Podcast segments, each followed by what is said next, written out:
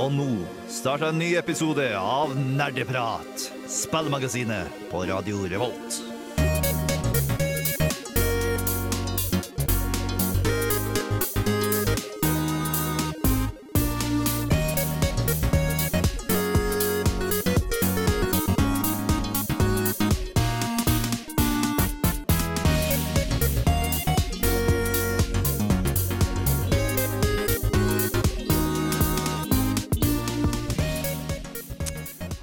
Hei, hei, og velkommen til Nerdeprat.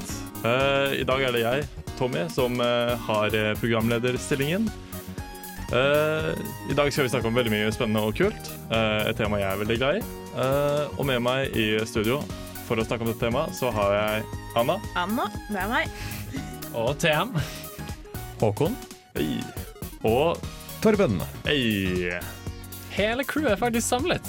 Ja, For en oi. gangs skyld. Oh my god. Vi er noen skikkelig helter, Hei. som er temaet Lite i dag. hint til eh, temaet i dag, ja. Og temaet er ikke bare kult. Noe, noe kult. Nei, altså, det er ikke bare kult, men uh, i dag så blir det jo litt om både ja, helter i spill, og kanskje litt helter utenfor spill også. Kanskje vi uh, snuser litt på andre ting også. Uh, ja.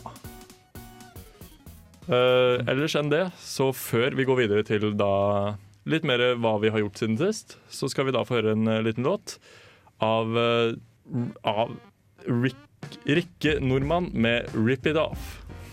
Yes, der fikk dere Rikke Nordmann med 'Rip It Off'. Uh, vi skal snakke litt om hva vi har gjort Ja, hva har gjort siden sist. Har vi hatt det noe gøy? Har vi hatt det kjedelig? Har vi hatt det kjipt? Jeg vet ikke. Jana. Jeg, jeg har endelig rundet Dead Cells. Hey. Det var noe jeg nevnte siste, siste sending vi hadde. Eh, Det er jo et sånt uh, Rogue-light, Dark Soul-light, Castlevania-light, alt uh, lignende spill. Veldig mye light. Som er veldig vanskelig, men jeg har endelig klart det. Så det har jeg krysset av listen min. Det er kult. Men, men er det, er det roguelite eller roguelike? Jeg, sier Rogue-light, men jeg vet ikke om jeg plukket opp helt feil ord. Jeg vet ærlig ikke forskjell. Det er forskjell på dem. Uh, eller, Det er det. nei, det er det kanskje ikke. For jeg husker jeg sjekket Wikipedia, og de var liksom brukt om hverandre. Ja. Men- nei, jeg tror jeg, det er bare for å vise at det er Det er et sånn er på en måte hovedsjangeren. Da er det likt Rogue, som er et spill som for lenge siden. Ja, Ja. riktig, riktig. Hvor du har eh, det var permadeath, Mm. altså at eh, når du dør, så starter du å begynne å spille igjen. Oh yes. Og at det er tilfeldig generert ting. Mens light så har han henta elementer av den sjangeren for å krydre litt uh, spillet. Ja. Det var jo sånn som han eh, fra Game Makers Toolkit snakker om, Mark Brown han het. Mark Brown. Ja. Ja. Han snakker litt om det der. Uh, så Han det- lager veldig bra videoer, forresten. Oh yes. Mm. Eh, jeg vet ikke hvem det var som foreslo det forrige gang. Det var kanskje du, Anne? Var det ikke Var det, Torben? Ja. det var Torben? Å, herregud, beklager, Torben. Jeg har i hvert fall sett masse på Game Makers Toolkit Ja. siden sist, Eh, så det kan jeg i hvert fall eh. Du finner han på YouTube. Og han Du kan sammenligne det litt med Extra Kitties, men bare litt mer profesjonelt. på en måte Mm. Veldig eh, stilig å komme fra en som underviser i spilldesign. ja. Hvis jeg har forstått rett. Som vet, vet hva han snakker om på mange måter. Ja, hvis, han, hvis han ikke vet det, så leser han seg opp til det. Mm. Ja. Oi, såpass, ja. Han har også mange gode videoer på Dark Souls, hvis noen er interessert i det. Er det noen som har eh, spilt noe annet? Ja, jeg har, jeg har ikke spilt noe nytt, egentlig, men eh, jeg har vært på hyttetur. Hei. Og en, eh, da tenkte jeg å ta en pause, og da spilte jeg litt eh, Tetris 99 på min Switch. det er klart, jeg hadde ikke wifi der borte, så jeg satte jo opp wifi-hotspot på mobilen min og kan rapportere om at det tar bare noen få megabyte per kamp i eh, Ah, ja. Tetris. Det er 99. greit. Men hvor mange kamper ble det? Det ble kanskje en ti stykker, kanskje. Ok, Jeg trodde det var noe du skulle si, men det ble sånn 50 kamper, så det ble en del data. Men jeg merka at jeg begynte å se Tetris-former og sånt i hverdagen. Og så jeg eh, valgte å ta en, eh, noen dagers eh, pause fra Tetris. Mm. Hvordan følte du at du lå an når du spilte mot Er det ikke disse 100 folk til sammen, da? Du spiller mot, Mm. eller? Noen ganger så ble jeg veldig overvelda av at det bare Tre veldig gode eh, tar, sikte på meg, og så får jeg plutselig ni blokker, og så går det ti sekunder, og så er jeg død. For de Eh, kan såpass, sikte på det? Ja, ja. Ah. I alle i Tetris 99, hver spiller eh, velger en spiller som de sender sine Oh, no. til. Ah. Eh, Men eh, andre gangen så kom jeg eh, kan jeg komme så høyt som fjerdeplass er høyeste jeg har hatt. Uh, Uh, av 100? Ja. Det er jo Eller Det er 99, ganske da. bra. Ja, det er sant. Hmm. Det, Det, syns jeg er veldig imponerende. Det er ganske imponerende. å Altså, I Tetris, liksom. Det Og la, la meg fortelle deg, musikken er noe for seg selv.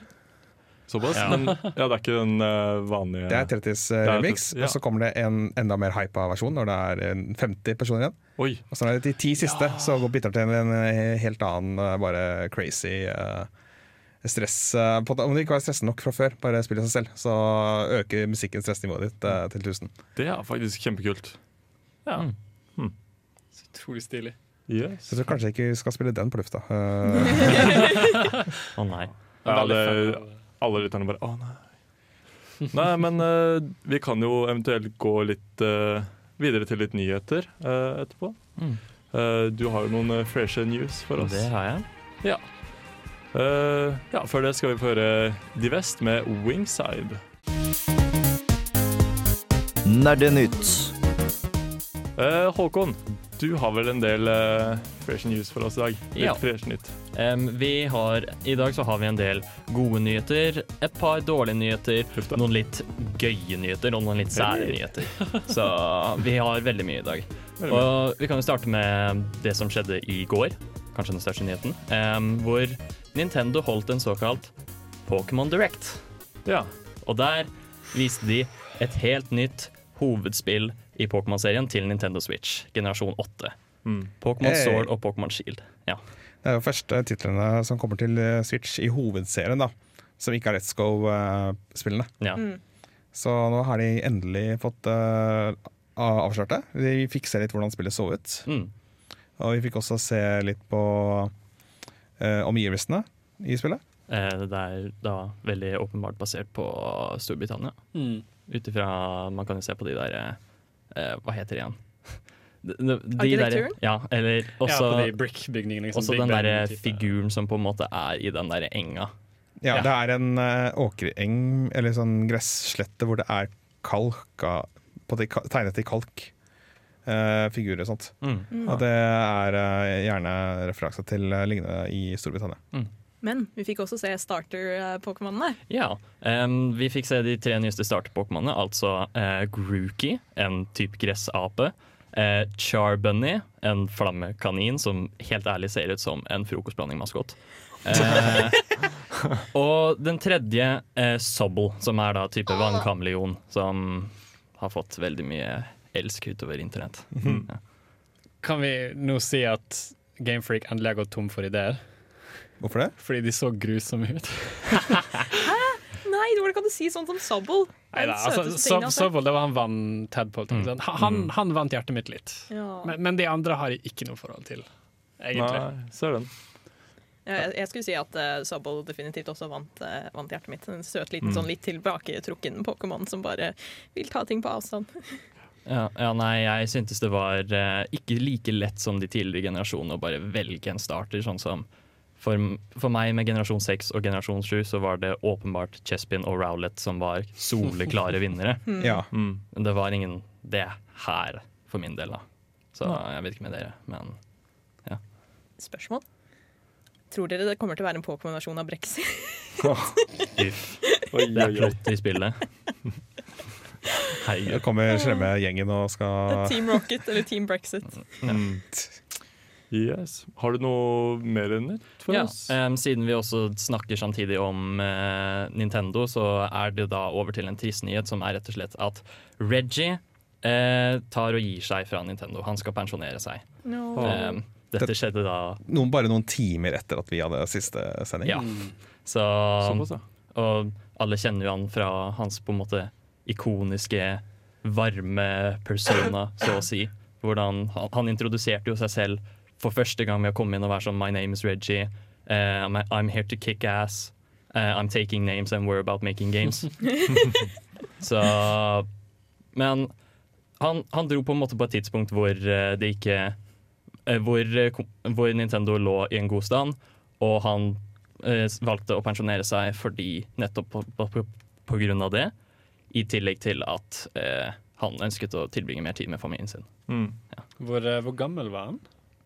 Em, ja, det må jeg Han er rundt 50 år, tror jeg. Ja, er fordi det var ganske tidlig å pensjonere seg. Quote on quote. Altså, om man går videre til noe annet, det vet jeg jo ikke. da Nei, altså For så vidt så ser jeg jo den med at han kan pensjonere seg. Jeg, det er jo diverse mangaartister også som pleier å pensjonere seg tidlig fordi jeg, Det er litt Well, altså, de, de har en veldig krevende arbeidsdag, Ja, som du men- sikkert vet. At de Ja. jobber på en måte hele tiden og sover på Mm. jobb. Og noen har altså dødd på jobb. Men, Og ja, men han har jo også hatt en ganske krevende jobb, da. Jo. Ja, han, eh, Når du er eh, sjef for et selskap, så bruker du veldig mye tid på det. Spesielt Ja. eh, Reggie, som, ikke, som på en måte var sjef på heltid. Mm. I, eller hele 24-7, da. Med at eh, han representerte Nintendo og var ute blant fans og veldig mye sånn.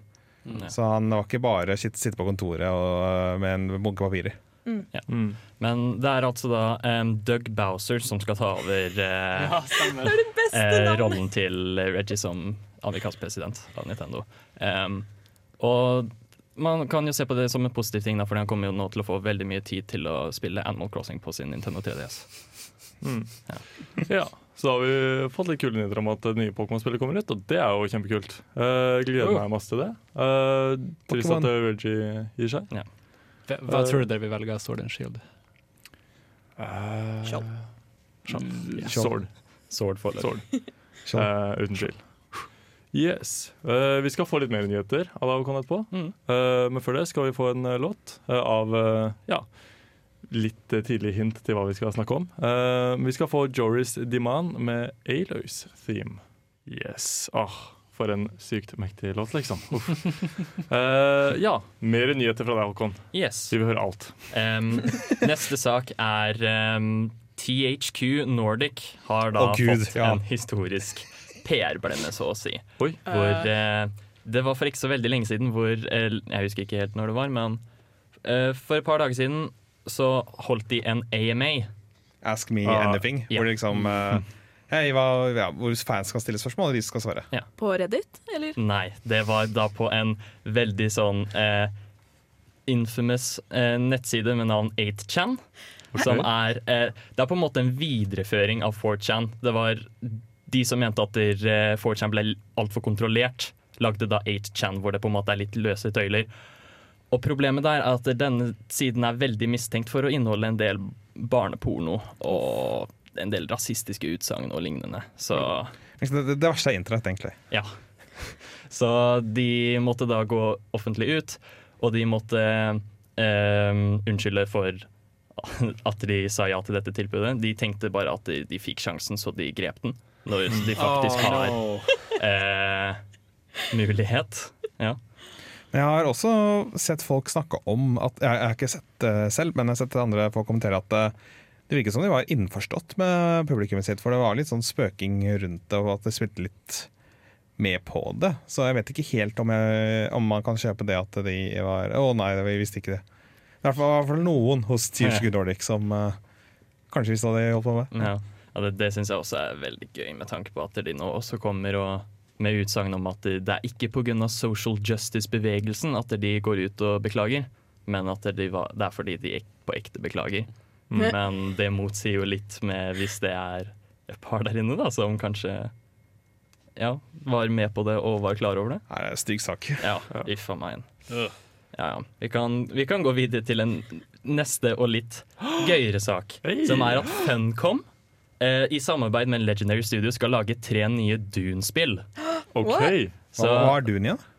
ja, Er, er det den science fiction-boken Dune? det av Frank er Herbert? den science fiction-boken. Som jeg skriver bachelor om akkurat nå? Akkurat.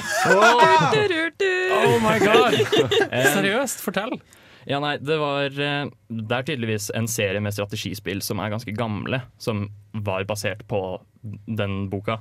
Det er blant de Um, første RTS-spillene, tror jeg. ja. Som Og- eh, Dune.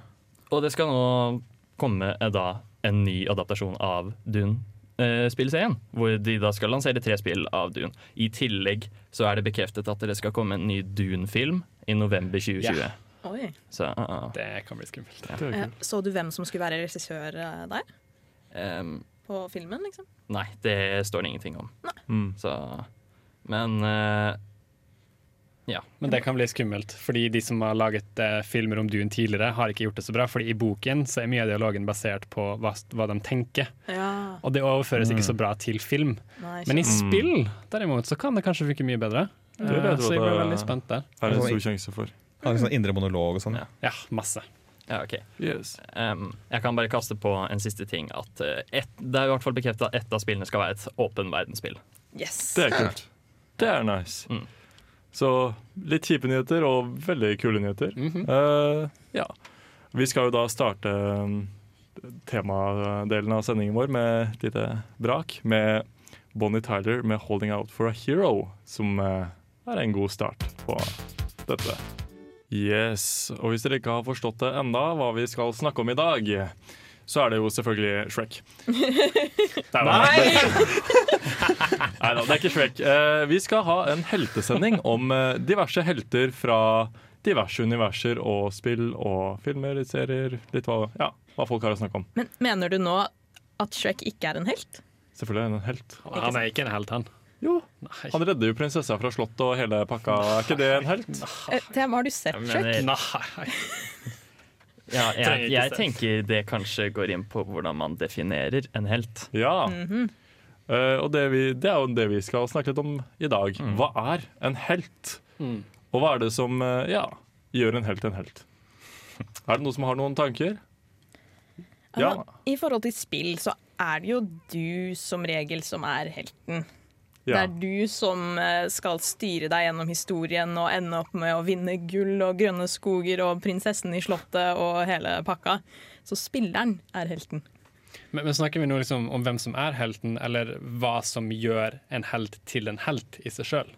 Uh, en god blanding. Hva er en helt som Ja, hva er en helt i et spill? Fordi definisjonen av en helt en måte, er i hvert fall uh, veldig god måte å starte på. Hvor, Hvorfor de gjør det de gjør, hvorfor vil de redde verden kontra å ødelegge verden. I mean pros and cons. Ja, Man kan kanskje si at det også har noe å gjøre med motivasjonen deres. Mm. Og ikke bare hvorfor de fikk den motivasjonen, men at uh, redde et eller annet. Altså med regel et, eller annet, et fellestrekk, vil jeg si. Mm. Ja. Så Mario, for eksempel, i Mario-spillene er en helt. Fordi han ender opp med å slåss mot eh, de, de onde folka. Det er en klar kontrast der. Du, Ja. du får hele tiden Det er ikke noe tvil om at han du, du tenker ikke at han er en dobbeltagent eller at han har noen shady sider. Han skal bare redde prinsessen. Han har et tydelig mål.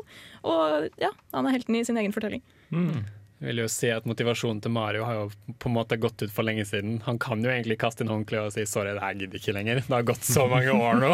Men han, han gønner på allikevel. Han holder på enda, og det er creds til Mario. altså. Men hvis Mario skulle sagt fra seg helterollen, så har de jo den beste Mario-broren, altså Luigi, som kunne tatt over.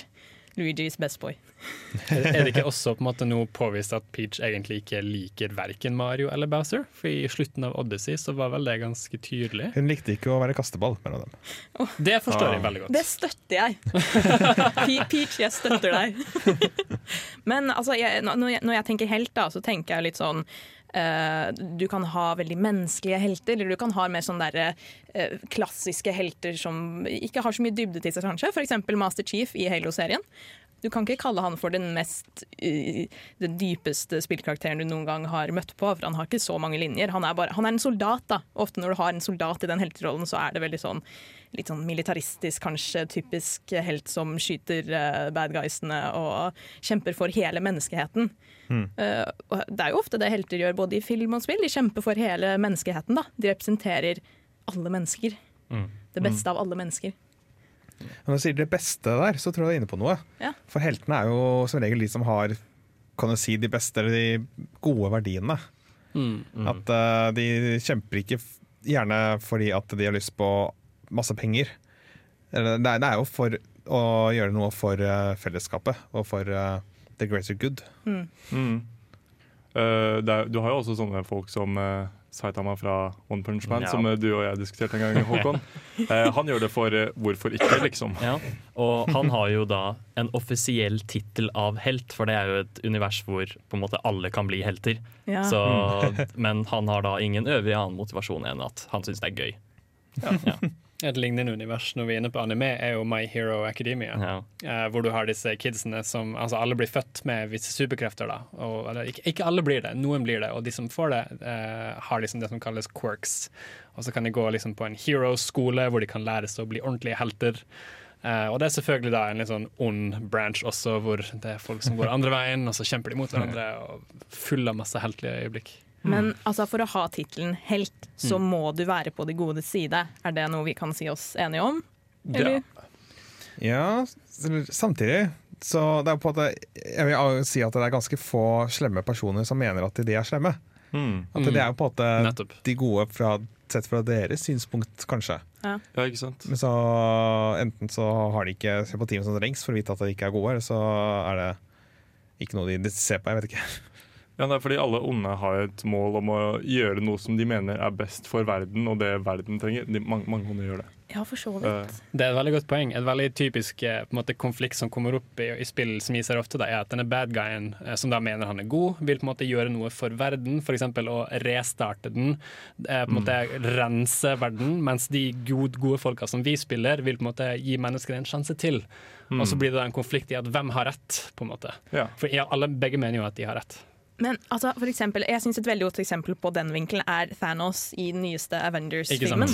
Fordi Han får jo en utrolig dybde i filmen som jeg syns er fantastisk. Og han mener jo at han gjør det beste ikke bare for menneskeheten, men for hele universet. Yeah. Han, han går enda et skritt høyere. Og ikke bare, ikke bare denne planeten, alle planetene i hele universet kjemper jeg for å gjøre det bedre for. I, til slutt, da. Han ser det, lange målet. ja.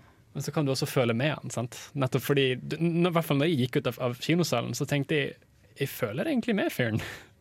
Ja, det gjorde jeg også. Jo, jeg, fordi det er jo veldig mange Ja, det er jo en ting som er litt sånn Ja, har han så feil, eller Ikke sånn- sant?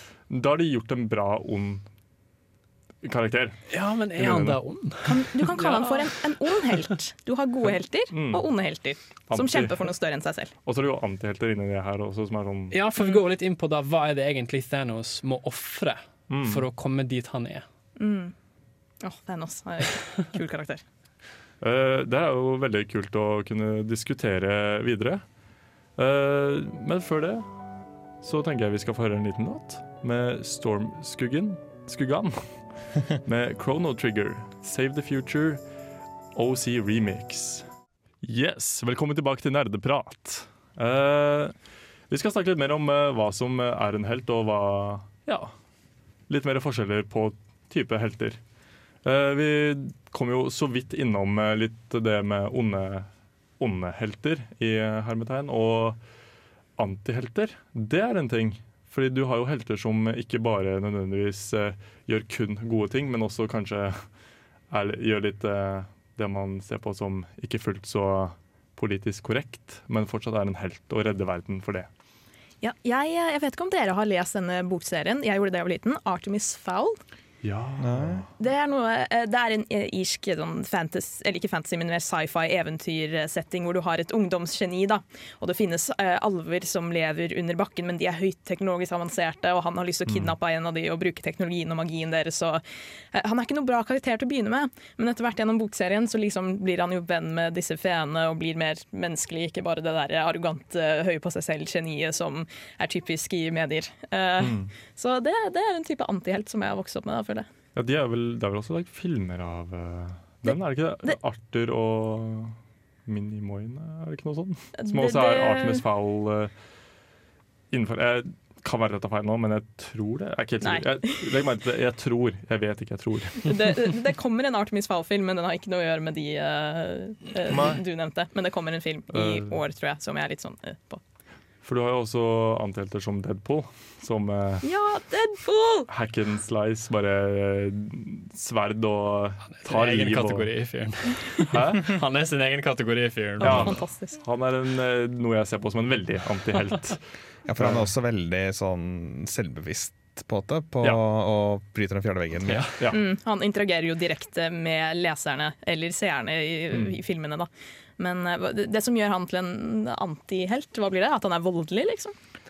Litt det at han er voldelig og følger sine egne regler, og det at han også kanskje er bevisst om at ja, vet du hva, jeg, en helt er ikke det jeg vil være, men ja, jeg redder fortsatt verden og kvinner i nød. Men det er jo litt av det som eh, mange Hollywood-helter særlig, og også spill også gjør, er at de er jo voldelige. De bruker midler. Hva, hva er det ja. som skiller de fra antihelter? Blir alle, alle helter som bruker vold, eh, antihelter? For da blir jo Mario og Link og alle antihelter. Jeg, jeg liker å se litt på det her på som et spektrum, bare sånn, med, med tanke på alignment. Fordi i hvert fall i Dungeons and Dragons terms så har du et alignment som heter chaotic good og chaotic neutral. Jeg har bare to Eh, dimensjoner der. Den ene ja. dimensjonen er eh, god, nøytral, ond. Så andre dimensjonen er eh, at du følger veldig regelrytter. Orden og kaos. På en Or- ja, Ja. Mellom orden på den ene, og nøytral, og så har du kaos. Mm. kaos. Og den er da chaotic neutral, som vi nevnte, er da på det nøytrale spekteret på ene siden, og på den kaotiske eh, siden på den andre spekteret. Og, og, og dette er en person som ikke nødvendigvis forholder seg til verken godt eller ondt, men bare går rundt og gjør litt sånn hva faen de vil, som Deadpool gjerne gjør. Og de på en måte gode versjonene av det her er jo da chaotic good, som er gjerne de eh, gode folkene med stor bazooka som bare sprenger bad guys opp og bare ha-ha, suck it, på en måte, og, og, og er liksom ikke så kontrollert, men de kjemper for det gode. Men jeg synes det er litt sånn interessant den moderniseringen av helten. fordi i klassiske eventyr og sånn, så ville du hatt lawful good hele tiden. Det er det du skal streve etter som en helt. Det er det som gjør deg til den ideelle moralske personen. Mens i dag er det mer sånn du menneskeliggjør heltene på en måte. da. Det blir fort litt kjedelig, da. Ja, Hvis alle ja, skal strebe etter å være paladins of justice. Du, du gjør det mer relaterbare. Ja, for eh, jeg tror mye av formålet mitt til gamle fortellinger og eventyr sant, var jo å barneoppdragelse. At Ja. uh, de hadde med seg en lærdom.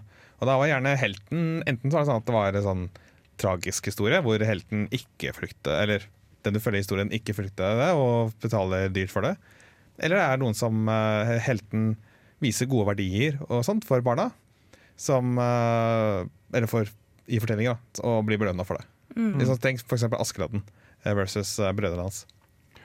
En ting jeg også tenker på, er jo Har alle filmer og historier og spill og serier generelt Har de alltid en helt, eller har de ofte også bare en protagonist? Fordi hva er forskjellen på en protagonist og en helt? Når du har en protagonist, så har du jo, slik jeg forstår det, ikke nødvendigvis en helt, men en hovedperson. En hovedperson kan jo utfylle flere roller. Eh, Du kan jo, det, det er ofte eksempel du kanskje følger en hovedperson, og så finner du ut at oi, shit, det her er jo bad guyen i historien. Sant? Men han er fortsatt liksom, historien blir fortalt gjennom hans narrativ, sant? fra hans synsvinkel, kontra en helt, som da er, som vi har forklart, en person med gode verdier som gjør godt. på en måte. Jeg føler kanskje Et populært, eller godt kjent eksempel er vel Death Note. Mm, nettopp. Hvor du Ja. følger Hva heter han igjen? da? Light. Light. Ja. Mm. Som, du, du følger historien og har empati med han i starten, på det, men eh, etter hvert så begynner han kanskje å innse at uh, Har du det? Kanskje. ja, Før han finner boka, da. Ja. Take a potato chip and eat it! Det, er- det, er- det er veldig kult at du nevnte, Fordi der har du jo veldig mye moral inn i bildet også. Der er det ikke, handler ikke bare om å, hvilke bad guys du skal slå, det fysiske du skal gjøre. Det handler om etikk og moral og lover, og får deg til å filosofere over det. da. Ja, fordi gamle, Han du følger i Death Note, eh, skriver inn i navn i en bok, og da dør de. ja, Så jeg begynner å skrive ned eh, folk som er dømt til uh, diverse ting. ja, Bare finner at nei, de skal dø. ja. Begynner Ja. å gå etter alle han mener er kriminelle, for å rense verden og få en bedre verden. Ja. Og det er hans historie du følger i, sp- i eh, den fortellingen. Um, eh, ja, nei. Eh, jeg tenker også en annen forskjell på hva en protagonist og en helt kan være. Kan jo, en veldig vanlig sånn greie er jo hele den uh, utvalgte tropen. Hvordan du for Ja. i Skyrim så er du The Dragonborn. I, uh, i Kingdom Hearts så er du The Keyblade-bærer. Mm. uh, og så videre og så videre. Og derfor er man på en måte Man er Det er skjebne at du skal gjøre det. Ja. Mm. Uh, vi kan jo tenke litt mer på uh, hvordan man faktisk, om det er en oppskrift på en helt. Uh, det finner vi ut litt senere. Før det skal vi høre 'Insane in the Rain' med 'Song of Storms'. En lite jazzcover. Uff, det var en, eh, det var en låt, det. Å, det var mm. jeg, jeg, er veldig, glad, i- jazz. eh, så det var Ja, jeg kan anbefale Insane Rain til alle som liker jazz. Han har egen YouTube-kanal der han Mm. eh, lager jazzcovere. Kult. Uh, Crasp, uh, som jeg liker å si. Uh, nå skal vi snakke litt mer om ja, denne formelen på hva ja, som folk kanskje følger når de lager spill og litt sånne ting. Eh, som kalles Heroes Journey. Og der har du gjort en del research, Anna. Ja, det er noen del. Jeg har jo lest meg opp litt, da. Uh, Hero's Journey.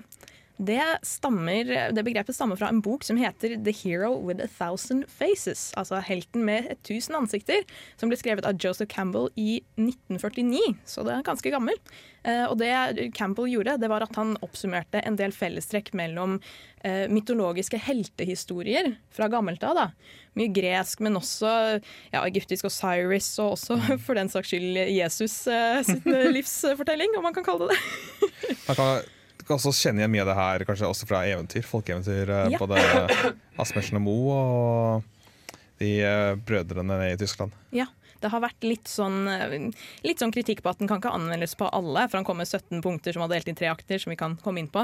Men det har vært litt sånn moderniseringer av det opp gjennom tidene. Da. Den nyeste moderniseringen var fra eh, 2000, 2007 av Christopher Wogler, som hadde litt færre trinn enn de 17 Campbell lagde. Mm. Ja, jeg har jo egentlig bare hatt det forholdet med at jeg har hatt forhold til eh, Heroes Journey innenfor spill, men det brukes jo faktisk i all historiefortelling. Å ja, Sånn- det er appli- appliserbart overalt. ja Mm. Så det, det er noe jeg ikke hadde tenkt før, men det er veldig kult. eh, Det virker som et veldig sånn nice eh, konsept. Jeg, jeg, jeg glemte å si det med en veldig kort oppsummering som Campbell kom med av The Hero's Journey, da, så folk skal skjønne det, er at eh, det her er en oversettelse av et sitat fra han. En helt går fra en hverdagslig verden til et område eller en verden preget av det overnaturlige. Der møter helten overveldende styrker, men når til slutt en klar seier. Deretter vender helten tilbake fra dette mystiske eventyret med kraften til å gi evner til sine medmennesker.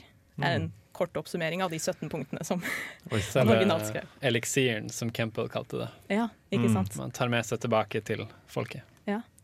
Eh, Så det, det, det er en oppskrift som går veldig mye igjen, altså. Så um, har, vi, eh, har vi tid til å ta for oss noen av de punktene? For jeg, jeg syns det er ganske mye kult der. Altså. Ja, det syns jeg. Ta for oss et par punkter. Ja, det, det første som han beskrev, det var eh, eh, The Call to Adventure, altså eventyrets kall. Der hvor helten eh, havner en, eh, fra en helt normal hverdagslig situasjon. da. Så får han en annen slags informasjon som kaller han mot det ukjente. Som får han til å kanskje bevege seg bort fra hytta han har vokst opp i, eller noe. Som et uh, lys på en fjelltopp som du ser etter at du våkner opp i ørkenen, og du vet du må opp dit. Ja, Mm. åh, jeg er glad du sa det, fordi jeg spiller Journey, indie-spillet, som er så fantastisk. Det er faktisk eksplisitt bygd rundt Heroes uh, Journey. Uh, det er bygd rundt alle disse konseptene som inngår i denne mytologiske helse, heltereisen. Da. Hvordan vet vi det egentlig? Det er fordi at han Austin Wintry, er det komponisten Ja, du tenker på? Ja. han, eh, han, han lagde musikken, men Junova Chen, han som var hoveddesigneren i That Game Company, som lagde Journey, han har gått ut og sagt at dette spillet det baserte vi på Heroes Journey, for det er en så eh, klassisk eventyrstruktur som vi ville få enda mer konkret fram gjennom denne historiefortellingen. For i Journey så er det ikke noe dialog eller noe sånt. Du bare bruker verden og musikken eh, av Austin Wintry, som er helt fantastisk, til å få fram dette emosjonelle eventyret. Jeg vil absolutt si at The Journey spikrer det ganske bra fast med det her. Ja. Eh, superflott. eh. Hva skjer etter at uh, dette eventyret skal? Etter eventyrets uh, Hvis, hvis det er uh, interessant, da. Men, eh, det, det er litt interessant, fordi noen ganger så har du at helten ikke bare går vilt fram og, og, og følger dette kallet. Noen ganger så er det sånn du, han nøler, eller hun nøler, eh, og, og vil ikke gå etter dette kallet, da. Altså, med tanke på avvik fra Heroes Journey, kan vi ta det nå, eller skal vi snakke om det etterpå? Uh, For da kan jeg ta kan det for etterpå. så vidt Altså. ta det litt etterpå. Ja, ta det etterpå. Eh, men neste punkt, da, meeting the mentor, er at du har en eller annen mentorfigur uh, som skal guide helten når han ok, skal finne ut av ok, jeg skal ut på dette eventyret. Gandalf. Ja. ja, ikke sant? For eksempel Gandalf som kommer og banker på døra til Bilbo. A wizard is never late, Harry. Nei, vent, det var noe annet. Eller i Breath of the Wild så har du han gamle, gamle mannen du møter på rett utenfor hula. Ja, Mm. stemmer det. Mm.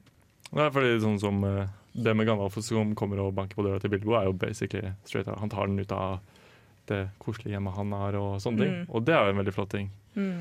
Uh, vi skal jo snakke litt mer om Heroes Journey, uh, men før det så skal vi få en uh, liten låt av uh, Go Ichinos og Junichi Masu Masuda eh, med The Battle of the Summit fra Pokémon Sun and Moon. Yes. Velkommen tilbake til Nerdeprat. Uh, vi skal snakke litt mer om Heroes Journey og ja, denne gode oppskriften, som vi kaller det. Mm. Eh, du nevnte jo eh, Star Wars eh, litt kort til meg i pausa. Ja. Nei, jeg tenkte jeg bare skulle kaste inn også mens vi snakka om hele det mentor-greia, Mm. med å nevne Obi-Wan Kenobi, og da også hvordan George Lucas var helt utrolig avhengig av Star Wars. Nei, var helt, ja, han var jo det òg, men helt utrolig avhengig av The Hero's Journey da han lagde Star Wars. Ja. Og man kan jo da på en måte også igjen da validere The Hero's Journey i forhold til et narrativperspektiv, med tanke på at det er en så stor suksess av en serie, og Mm, alle absolutt. elsker Star Wars sin historie og alt det der. Og han har jo fulgt den til punkt og prikke, så å si. Det vil jeg si meg enig i. Nettopp. Så det med mentorfiguren som eh, får eh, helten ut på eventyret sitt, det inngikk eh, som et av punktene i det akt én, da. eh, Som, eh, som Campbell kalte for 'departure', som blir av, avgangen, utreisen. Det som mm. Hele prosessen med å få helten ut. Eh, Neste akt, da, for det er en del punkter, så vi kan ikke gå gjennom alle. Eh, det starter med et punkt som heter The Road of Trials, som er et av lydsporene i Journey sitt soundtrack. Fordi de følger en del uh, ordrett altså, de punktene til Campbell. Eh, men eh, ja, eh, The Road of Trials er liksom den serien med tester eh, og problemer og hindre som helten møter på. eh, når, de, når de begynner å gå inn i helterollen. Da. Fordi ofte i anime, i spill, så har du det med at du, du blir ikke superhelten med en gang. Du må, du, du må feile litt. Ja, ikke sant? Og det er menneskelig å feile, og helten skal jo også være menneskelig. Er er det på en måte her de går inn for denne her montasjen med musikk, sånn som i Mulan? liksom, Let's get down to business. Altså når du begynner liksom, Nå skal vi trene, nå skal vi bli best. Og du har liksom hele denne oppgangen hvor de faktisk begynner å ta rollen sin seriøst, og kalle, ikke minst, eh, alvorlig. Ja, fordi eh, jeg, jeg så en video av Extra Credit som heter On Classical Heroes, og da snakket de litt om det med at helter vi liker ikke helter bare fordi de har superkrefter og kan gjøre ting vi ikke kan, eller som ingen andre mennesker kan. Vi liker dem fordi vi kan identifis identifisere med dem. Og det å gå gjennom problemer er noe av det mest menneskelige og relaterbare du kan gjøre. Og, og komme suksessfull ut av det. Det. Så det er en del av Heroes Journey. da. Mm. Og helter er ofte veldig bygd på den der karismatiske delen òg. Det er også mye av grunnen til at vi liker helter, for vi kan relatere til f.eks. måten de er på, om de har en For at alle helter har en sånn liten nicknack som de bare dette er det jeg liker. Jeg liker å drikke te fra denne spesielle tepotten. Er liksom, eh, et eksempel, da. Ja. Um, for, med tanke på det med menneskelighet, så kan man jo også nevne Spiderman. I forhold til at alle nest, ve- Det er veldig mange som har Spiderman som sin favoritthelt, og veldig mange av de kommer til å si ikke pga. Spiderman, men pga. Peter Parker. Mm. Fordi han er en såpass eh, relaterbar karakter, og alle kan se seg litt igjennom når han er sånn klein på videregående og alt det der. Så ja.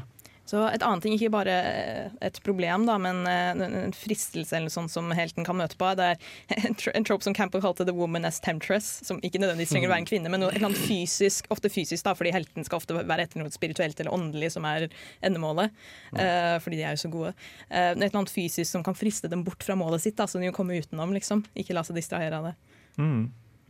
Ja, vi har jo nå snakket en del om hva som uh, gjør Heroes Journey, og hvor de ofte, bruk, at, hvor de ofte bruker det. Da, at de bruker det veldig mye i historiefortelling.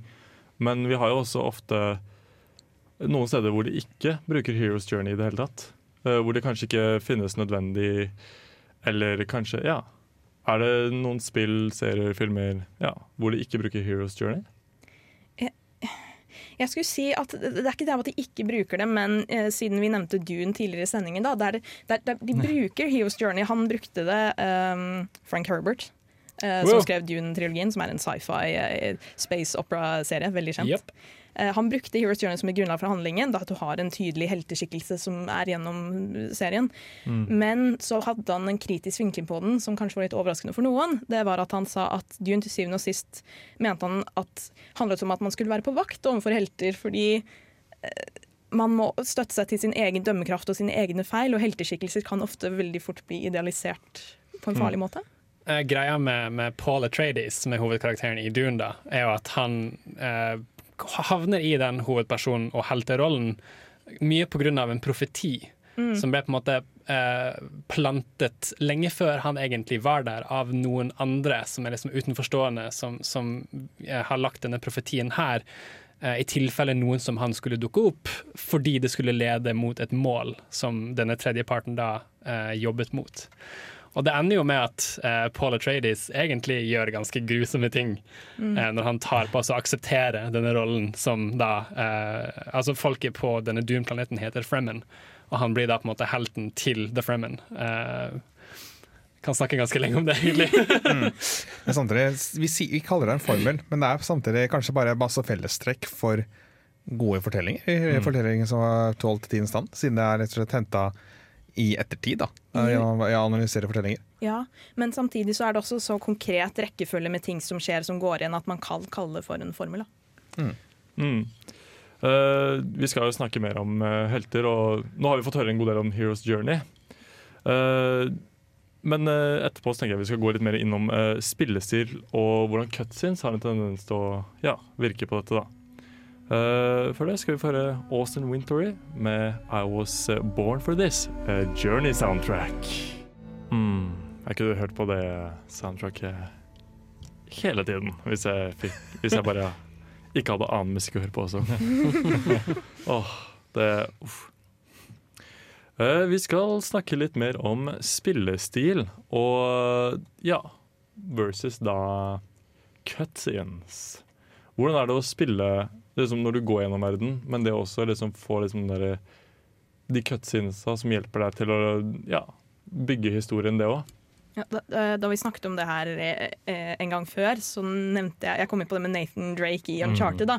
Fordi det som er kult, er at han er jo en typisk eh, helteskikkelse som er morsom og relaterbar og så sensitiv. Eh, og så har du de eh, i scenene, som ja, cutscenene, eh, hvor han blir framstilt på denne denne måten. Men så spiller du som han.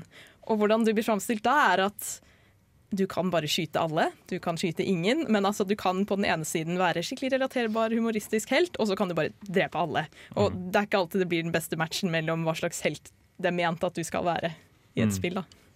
Jeg vet ikke helt om jeg forsto. Er det hvordan cutscenes fremstiller eh, helter, eller? Ja, litt sånn hvordan hjelper cutscenes med å da ja, fremstille helter? Litt sånn, du kan jo spille gjennom og få oppleve historien sånn, men hvordan hjelper cutscenes med å da ja, vise historien på den måten også? Eh, kanskje gjøre den litt bredere. Altså litt sånn der, Hvordan er helten ment å være framstilt hvis du bare hadde sett eh, Hvis du ikke hadde tatt med spiller, spillerens uh, spilling i beregningen? da sånn der, Hva slags Ja, type karakter er dette i utgangspunktet? for du tenker liksom kontrasten mellom de, at du ser en veldig sånn, patriotisk og sånn, pal paladin-esk cutscene, da, og så kommer du tilbake til gameplay, hvor du som spiller går rundt og bare skyter alle, eller Ja, så Ikke nødvendigvis bare cutscenes, men det der med hva slags helt er du ment å være, og hva slags helt kan du velge å være. Mm, Bare fordi- sånn jeg tenkte da. Uh, du kan jo for så vidt følge um, cutscenes Du kan jo se hele spillet gjennom bare cutscenes hvis du vil det på en YouTube-video eller noe. Eller så kan du spille spillet selv og få med deg cutscenes, og så kan du skippe cutscenes også. Men eh, kan man da få hele historien eh, med bare cutscenes? Hvordan vil det være en ting som er mulig? Eh, tenker dere? Liksom, hvordan vil det perspektivet være? Altså, jeg tenker at Du kan få med deg hele historien lett, men f.eks. i The Last of Us da, Mm. så har du Joel og Ellie som får det nære etter hvert foreldre-barn-forholdet. Og så har du plutselig i, eh, i spillinga så møter du på masse zombier, og det blir bare kaos, og du blir litt sånn mordertype, da. Så det er bare den kontrasten du får. Jeg driver, har faktisk drevet og sett på bare cutscenes-filmen av eh, The Last of Us eh, de siste For eh, et par dager siden så begynte jeg på den. Og det var litt spennende å se hvordan det bare var som cutscenes. Det var litt ny ting. Um, er det? Et annet eksempel kan jo, Fordi de kan jo ofte være veldig motsigende.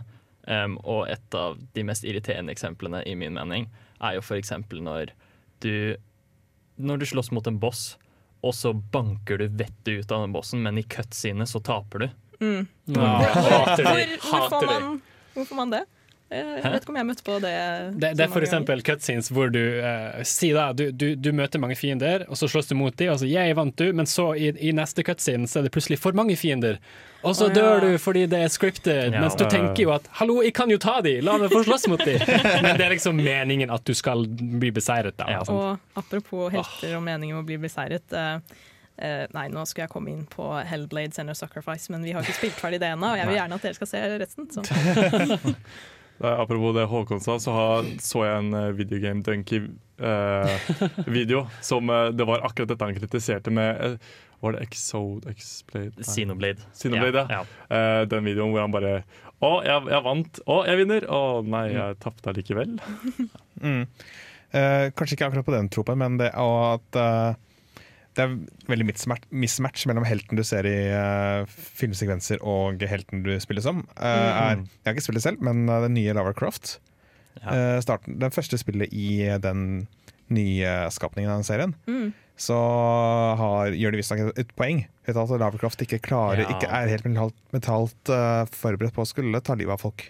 Jeg sliter skikkelig med dette her.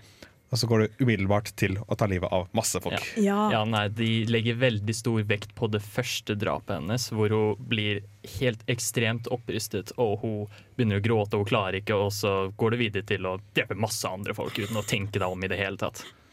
Et uh, veldig relevant eksempel her, uh, hvor dette skjer, er i uh, oppfølgeren til Tales of Symphonia, et japansk rollespill som er Tales of Symphonia Dawn of a New World, I think, hvor du har en hovedkarakter som ikke kan drepe. Og de gjør et stort poeng ut av det her i starten av spillet, ved at når du spiller som han i kamp, så eh, vangler han fremover med et sverd og skjelver og tør liksom ikke å slå, og han er skikkelig pinglete. Og eneste måten han kan slåss på, er fordi han må leve i symbiose med da eh, den onde sjelen Ratatosk, eller whatever, som tydeligvis lever med han, som kan ta over han, og han har dual personalities, whatever, og så blir han plutselig badass. Men seg sjøl, som vanlig person, så kan han liksom ikke slåss. Jeg synes det ja, litt interessant i forhold til det med at helter skal være moralsk over, eh, over, moralske overhoder, men så må de liksom bare gjøre masse umoralske ting. Særlig som spiller. Uh, ja.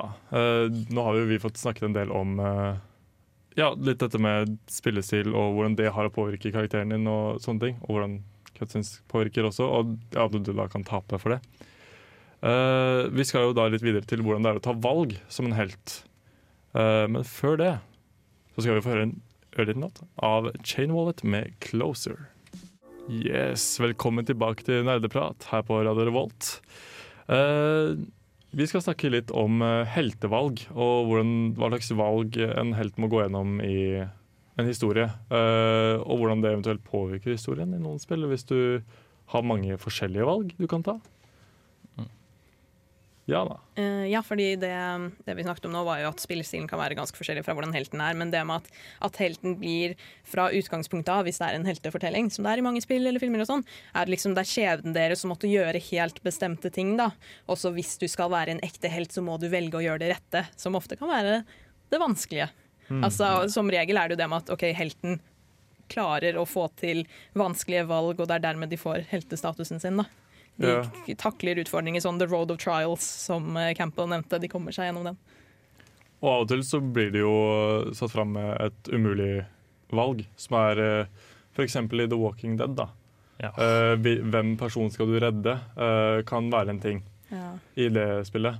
Eh, og det er litt sånn Ja, hva er riktig? Og da må du plutselig ta et valg som påvirker historien, og hva som fortsetter videre der, da. Jeg vet ikke om dere husker Until Dawn? Mm. Eh, Ja. Som var et spill som fikk spillerne til å ta veldig mange valg, og et av de valgene er eh, du må velge hvem du vil redde eller hvem du vil drepe. Spørs hvordan du ser på det. Når det er en sånn eh, Jeg vet ikke om vi kan forklare det, men det er en sånn sag som spinner, som går sakte mot en person som er knyttet fast til en vegg. ikke sant? Og så går denne saken på et spor, så du står der og kan velge om den skal fortsette å gå til samme person, eller om den skal endres til en annen fyr som er da bundet fast ved siden av. Det høres veldig kjent ut, gjorde det ikke, Anna? Det, det er akkurat det. Det er, Det er jo et psykologisk, klassiske, det, eh, det klassisk klassiske ville, du, ville du latt toget kjøre over den ene personen, eller de fem personene Nettopp. på det andre sporet? Ja. Jeg syns jo det De som har laget The Walking Dead-spillserien, eh, gjorde som var både litt morsomt og kanskje litt slemt, var jo at de satte opp OK, 68% av de andre som har spilt dette spillet, har gjort ja. samme valg som deg. Det er sånn, ah, nice, det er godt å vite at eh, jeg kanskje enten var alene, eller at jeg kanskje Ja. Ja, for det, det, ikke Det som flest folk har gjort, trenger jo ikke nødvendigvis være det som var helt moralsk riktig heller, da. I hvert fall siden du er ikke bare helten, du er spilleren, ikke sant. Og det kan være litt forskjell der, som vi har snakket om. Det med at hvis du blir veldig glad i en karakter, selv om det kanskje ikke er den eh, moralsk beste karakteren, så velger du å redde dem fordi bare 'Å, men jeg er så glad i deg, du sier morsomme ting'. Ja. Når vi er inne på det moralitet også, så er det jo ett spill jeg vet om veldig godt som tester dette virkelig, og det er Catherine. Ja. Som gikk på ja, flere konsoller. Eh, hvor du har disse valgene som blir vist som prosentvis hva andre spillere har svart. Sant? Så du kan velge å gå all good og på en måte føle det bra for det, men du kan også ikke gjøre det. Mm. Uh, og du har jo liksom spill som Infamous også, som er en sånn Ja. ting. Men hvordan påvirker dette karakteren i spillet? Det er jo en ting som er uh, viktig å ta opp. Ja, eh, du nevnte jo der Infamous. Ja. Man på en måte, det, der er det rett og slett valget om har du lyst til å bli en helt eller har du lyst til å bli en slemming. Mm. Hvor eh, avhengig av alle handlingene du tar og sånt, så blir på en måte Fordi som hovedkarakteren, jeg tror han heter Cole, Eh, ja. Em, så har du, du har fått en type superkraft hvor du kan bruke elektrisitet og skyte det ut av armene dine. Og sånt.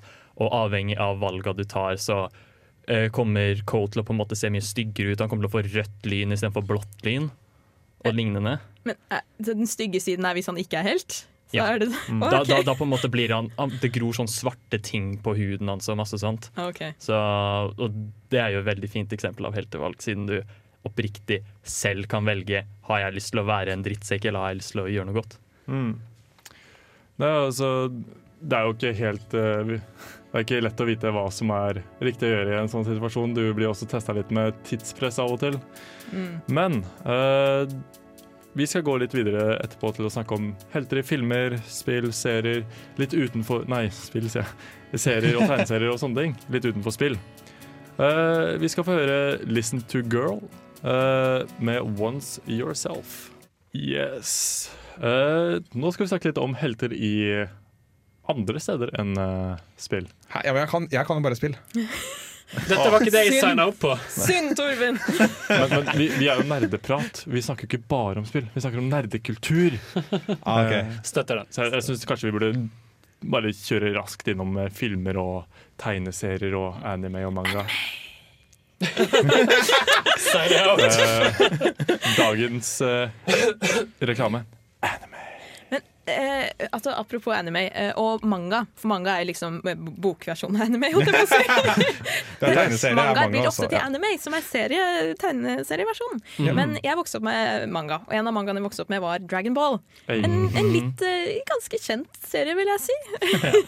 Eh, og der har du helter. Og du har Heroes Journey som bare blir at å, du får superkrefter. Så får du super-superkrefter. Så får du super-super-super-super Ja, det uendelige. Uh, det er en serie hvor det handler om hvor sterk du kan bli. Mm. Hvor fysisk sterk, eller også åndelig, fordi du bare blir en gud, nesten. Jeg har jo selv uh, sett Naruto, som også har en veldig sånn Heroes Journey. Her kan vi jo snakke litt om technical terms som power creep. Ja. Hvor liksom, når går grensen? Altså Power creep er jo på en måte hvor du på en måte sier for eksempel, Du har et plott hvor du, du kjemper for universet. sant? Hvordan topper du det? Jo, vi tar inn tidsreiser. Jo, vi tar inn amnesia. sant? Hvis du har brukt opp alle disse troppene eh, Tropene. Troppene. Hva, hva blir liksom det neste? Og på Naruto så kjemper de jo på månen på slutten. Jeg vet ikke, I, i Dragon Ball så ser de på en måte ødelegger planeter. Liksom, What's next? Ja. Ja, nei, Det er jo egentlig en stor, et stort problem med sånne ting, fordi du har, du har Å, dette er den største fienden som uh, denne helten har uh, kjempa mot. Og så skal de på en måte gå over det, og da blir plutselig de tidligere tinga veldig, veldig mye mindre. Sånn Mm. som Et godt eksempel er jo Goku med Super Saiyan.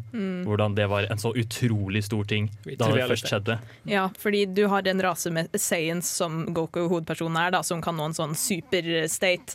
Men etter hvert kan du bli en Super Saiyan 2, og så kan du bli Super Saiyan 3, og så ja, eskalerer det. Ja. Og da sitter du plutselig med problemet til eh, Som jeg også hadde når jeg så Naruto, var at eh, Kakashi, eh, læreren til Naruto, eh, sliter med å deale med en fyr i sånn eh, første sesong, eller liksom eh, tidlig stadie av serien.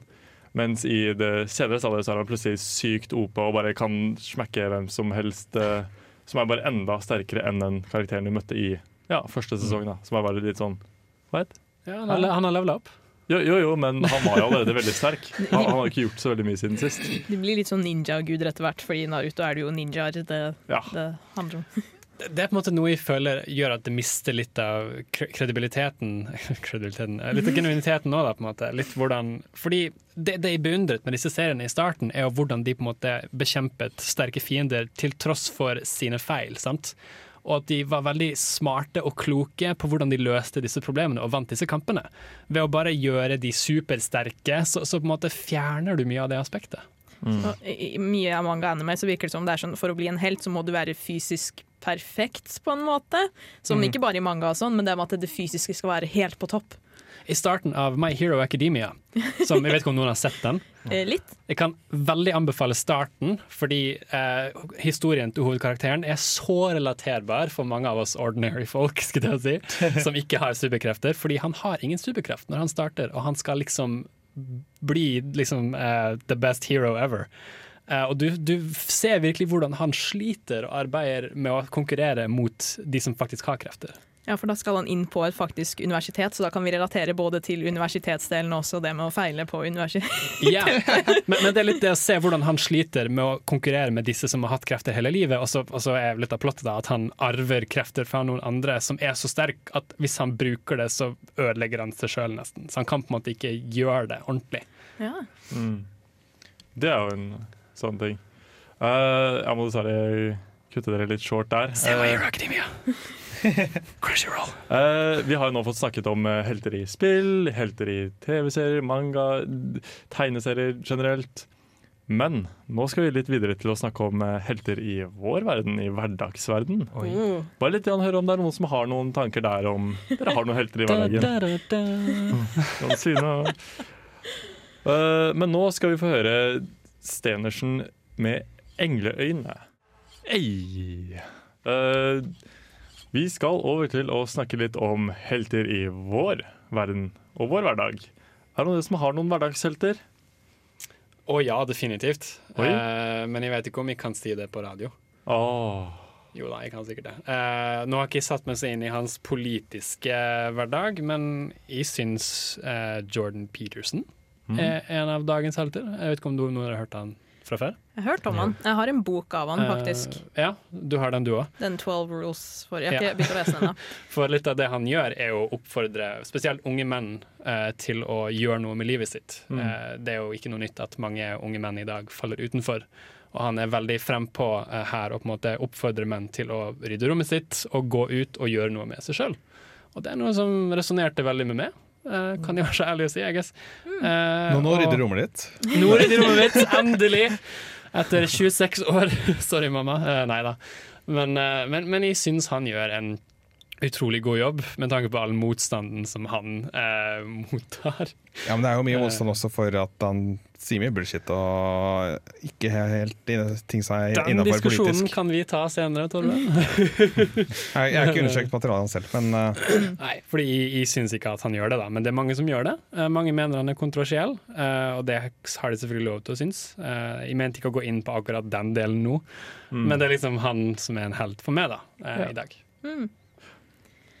Du, Anna? Jeg føler jeg har litt sånn A4-svar. Det blir liksom familie. Eh, altså, ja, foreldre, eh, søsken, venner i hverdagen min. Jeg, har, jeg, jeg tror aldri jeg har gått gjennom livet og bare hatt en sånn helt jeg har plassert på en milepæl av personer jeg ikke kjenner direkte. Nei, men det er full lov å ha familie og venner og sånt som uh, helter. Absolutt. jeg har ikke en personlig helt per se. Men eh, eh, jeg eh, da, da, da vi da nyhetene sprakk eh, for et par uker siden om eh, alle disse som mister jobben Nå er det enda flere som mister jobben eh, nå nylig fra andre studier også. Ja. Mm. Arena Nett og diverse. Men eh, Oi. da er det en call som kommer opp fra Satura Iwata. Ja. om at eh, jeg vil ikke Fo- Folk som lever i frykt for å miste arbeidsplassen sin, eh, kan ikke produsere bra spill. Og måten han leder selskapet på, med å ta jeg, jeg, at han tok eh, ansvar for at vi gjorde gikk så dårlig, kutta sin egen lønn. Uh, jeg jeg synes det fortjener litt sånn å være, at han er, kan få være en helt. Mm. Sånn, For måten han uh, leda selskapet på. sånn ansvarsfulle lederen har, blir en helt, da. Mm. Ja. Ikke bare kutter uh, tusen ansatte. Mm. Em, jeg skal kaste inn en liten hverdagslig ting her som kanskje flere av dere kan kjenne dere igjen i. Men om dere kjenner til memet 'Thank the bus driver'? Mm. Um, Hva er det for noe? nei, det er rett og slett bare hvordan folk oppfordrer deg til at der, når du går på bussen eller når du går av bussen, så er det viktig å gi en liten takk til bussjåføren for at han gidder å kjøre deg rundt. Det er faktisk undervurdert. Ja, og da, Eh, Derfor Ja. tenker jeg at jeg også liker så godt, siden jeg ikke har en konkret helt, og jeg kommer på akkurat nå, så kan man gi en liten shout-out til bussjåføren. Men det, det er viktig. altså ikke, eh, bussjåføren Vi vi vil ikke ha flere sinte bussjåfører i Trondheim, så si takk. si hallo, liksom smil. Yes. Nei, Vi skal huske å takke bussjåføren når vi går på bussen. Eh, vi skal videre til ukas utfordring. Eh, jeg har en crisp utfordring for dere. Før det skal vi få Patrick Antonsen, Patrick Antonsen med 'Screamer of the Night'. Når innså du at du var en gamer? Dersom du kunne spilt kun et spill i et år Hva er det eldste spillet i backloggen din? Hva har du lært fra spill som du har fått nyte av i Er det et spill som har hjulpet deg gjennom en tung periode av ditt liv? Hva er ukas utfordring?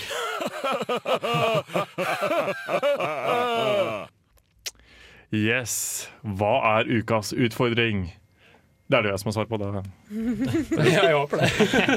Nei, nei, eh, men ukas utfordring skal bli litt moro, litt gøy, og jeg gleder meg masse. Fordi ukas utfordring er dere skal etterligne deres favoritthelt så godt dere kan. Og så skal vi andre her i studio gjette hvem du prøver å etterligne. Å, gud. Oh, ja, så det var ikke den personen vi allerede sa Nei, nei, nei, Ah, ok, absolutt det- ikke. ok. Det, det, det er jo litt sånn Jeg kan ikke gjette hvilket familiemedlem Anna Nei. Det blir vanskelig. Uh, nei, men altså Prøv å gjerne bruke litt eh, stemmer, og bruk stemmen din. Eh, prøv å etterligne liksom talemåten til uh, helten. Ja, litt sånne ting. Er det lov å bruke kroppsspråk? Eh, det er lov å bruke kroppsspråk. Eh, På radio. vi, vi her i studio vil jo forstå det, eh, men de som er ute i eh, verden, vil jo ikke forstå Ja, det. kan det. jo prøve å beskrive og se, da. Ja. Eh, men vi kan jo eventuelt prøve å beskrive kroppsspråket ditt. Mens du, Ja. Dette er helter fra hva som helst? Liksom, fra eller spill? hva som helst. eller? Fra spill, serier, okay. filmer. Hva er En historie. Hva er favoritthelten din, og hvordan vil du prøve å etterligne den? Altså bare Hva er min favoritthelt? ville vært et uh, stort nok spørsmål. Okay, du, Ok, okay, vi, kan, vi kan forenkle at det må ikke være favoritthelten din. Det er ikke en utfordring. Okay, ok, Det, det er en utfordring. Jeg, jeg kan starte. Uh, jeg, okay. jeg, jeg kommer til å mime litt, så bare beskriv hva dere ser. Okay, Mr. Mime? Eh, jeg, hun, hun trekker et eller annet fra hylsteret. Er det sverd, kanskje? og eh, Hun Oi, Senua Sacrifice? Uh, Senja, kanskje. Uh, OK, hva fikk deg til å si det? Jeg så redd ut. Jeg hadde et sverd. Jeg Ja, du, ja. holdt på å begynne å snakke med litt sånn engelsk Du, du så litt rundt som om du hørte stemmer, som Senua Dogger. Ja. Mm. Igjen veldig radioegn-etterligning. Men jeg kan si litt hvorfor. da Fordi Senua, som jeg snakket om mange ganger før, fra spillet Hellblade, hun er en karakter med ø, psykose. Og det er ikke noe jeg relaterer meg til, men jeg uh, syns hun bare er så dyp og kompleks eh, og original karakter. Veldig Mm. godt spilt også. Eh, I perspektiv på hvordan det er å leve med, med psykiske lidelser og sånn. Som psykologen i meg er veldig, synes er veldig kult. Nice. Da har vi én og én riktige. Hvem er nestemann ut? Kom igjen nå. Å gud, Jeg kan vel kaste meg ut hvis ikke dere to har noe. Torben. Kjør på. Kast deg ut. Oh. Eh, den her er for så vidt ganske lett. La meg bare puffe opp brystet litt her. Oi. Boy! Kratos. Master Chief fra Halo! Nei, det var selvfølgelig Kratos. Nei, Jeg kjenner jeg skulle hatt litt tid på det her, Fordi det her var det beste jeg kunne komme med. Uh, nei, men det er jo absolutt uh, Jeg syns det var crisp. Jeg syns det fungerer. To av to riktige. Oh yeah. Det var i hvert fall to av videre. Skal du eller jeg gå først, Torunn? Har du noe? Stein, saks, papir. jeg, jeg vet ikke om det er mye foretelt men jeg kan prøve et eller annet. da Ja. Og jeg er redd for at jeg stjeler kanskje dine, det, men uh, vi får se. Um, Go, Pikachu! I choose you! Pikachu, eh, use Thunderbolt! Tai fra Digimon! Uh, Ryan Reynolds. Nei, oh, vet du, å ja. Ash Ketchum. Ah. Pikachu, use quick attack! Åh. Go, Pikachu! Fantastisk invitasjon. Skal ikke så mye til, da. Mm. Er ikke, er ikke Ash, eh, i hvert fall på japansk, eh, voicet av en kvinne? Jo. Jo. Det er veldig vanlig i anime og, Ja. og sånn. Det er faktisk veldig overraskende vanlig, og det er ganske kult. da Det er Naruto også. I, Ja, på engelsk og, og på japansk, for så vidt. ja, det er sant. OK, Ok. er det min tur, da? Let's okay, go. Det får vi se om dere tar den her nå. Skyter ut av armen sin. Er det Uh, Spiderman. Han tar altså headsetet? Klatrer langs bakken. Hva Han gjør du? ligger i Hva er det du gjør? Han tar salto. Håkon var nå på Eh, gulvet. Uh, jeg kan ikke se noe, men uh, Peter Parker, Spiderman. The Baby. Det at du skyter ut av armen, får meg til å tenke på Megaman. Men eh, det virker ikke helt Metroid? Ja. Samus. Ja. Ah. Ja, fordi så armkanon, ja. OK, så tanken er Skyt ja. ut av armen, Altså, må... og Samus blir til en ball. ja, fordi det er morphball, og så ja, krype sammen i fosterstilling. Ja. Hva har det med The Baby å gjøre? Nei, Metroiden. ja, hun har bare kjent sånn Åh. ja. Oi. Skjønt eh, den ene gangen Samus eh, snakka, så likte ikke folk det spillet noe særlig. Så Kvinner, ganske- kvinner skal være stille, ikke sant, gutta? Det var, det var ganske bra. Cool story, Nei. now make me a sandwich. Jeg kan ikke lage mat, hvordan våger du? Hva er Bechdel-testen til Hvordan og med? våger du å anta? Nei, jeg syns dere alle gjorde det veldig veldig bra. Jeg, jeg, bedre enn jeg forventa. Kjempekult at dere faktisk bare kastet dere inn i det, selv om dere fikk litt dårlig varsel. Liksom litt, litt kort varsel, og det, det er gøy. Syns det var bra. Uh, selv om kanskje ikke alles var 100 favoritthero. Jeg vet ikke med deg, Tem, TM, men eh, Hæ? jeg syns dere fortsatt gjorde Driver du og disser Kratos? Nei, altså, jeg mente at du kanskje ikke ah, Han var kanskje ikke din favoritt. Jeg vet ikke, du fikk ja, dårlig tid. sånn. Du sa du fikk dårlig tid. Han er ikke Sorry. min favoritt, men han er definitivt en jeg kan stille meg bak. Ah, men da er det greit. Så det gikk. Eh, nei, men veldig bra, veldig bra alle sammen. Er kjempefornøyd. Eh, ja, eh, vi skal eh, snart si adjø. Men eh, før det så skal vi høre Anja Skybakmoen med 'Trying'. OK.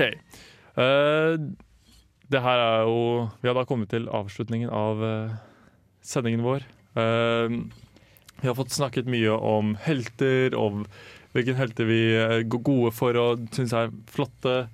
Hva som skal til for å bli en helt og være en helt. Uh, Heroes Journey. Uh, min Heroes Journey i å være programleder for andre gang.